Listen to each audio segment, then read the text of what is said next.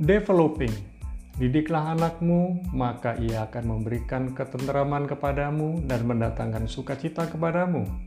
Amsal 29 ayat 17. Setiap hari kita melihat perubahan. Perubahan dapat terjadi lambat atau cepat.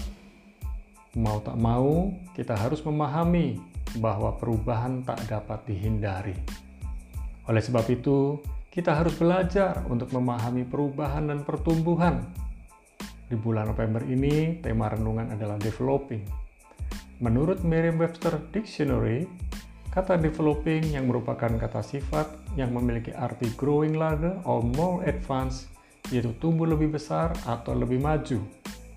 Dalam arti sederhana, kata developing memiliki arti mengembangkan. Hal terpenting dalam developing adalah kemauan untuk mengembangkan diri lebih baik, lebih maju, dan lebih besar. Sebenarnya, setiap orang memiliki kesempatan untuk berkembang. Kuncinya adalah kemauan. Sebab, di mana ada kemauan, di sana ada jalan untuk dimampukan. Oleh sebab itu, ada dua hal yang penting dalam melakukan developing. Yang pertama, mentoring. Hal mentoring adalah proses pembelajaran dan pengasuhan di mana mentor menolong menti, yaitu orang yang dibimbing mentor yang tadinya tergantung menjadi mandiri. Mentor bukan sekedar guru, ia adalah orang yang memuridkan menti. Siswa diajar, namun menti dibentuk dan dijadikan murid.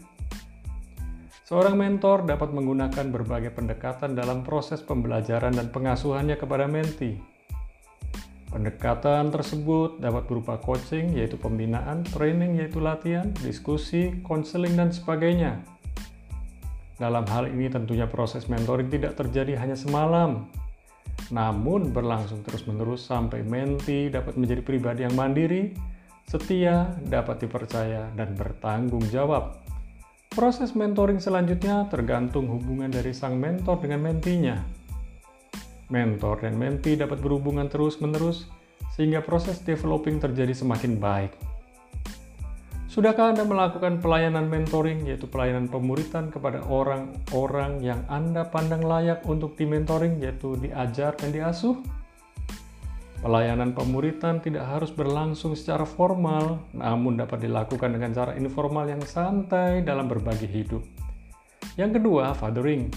Hal fathering berbeda dengan mentoring. Jika mentoring lebih menekankan proses pembelajaran dan pengasuhannya dari mentor ke mentee dalam bentuk pemuritan, maka fathering lebih menekankan tentang proses hubungan father to son and daughter, bapak kepada putra dan putri.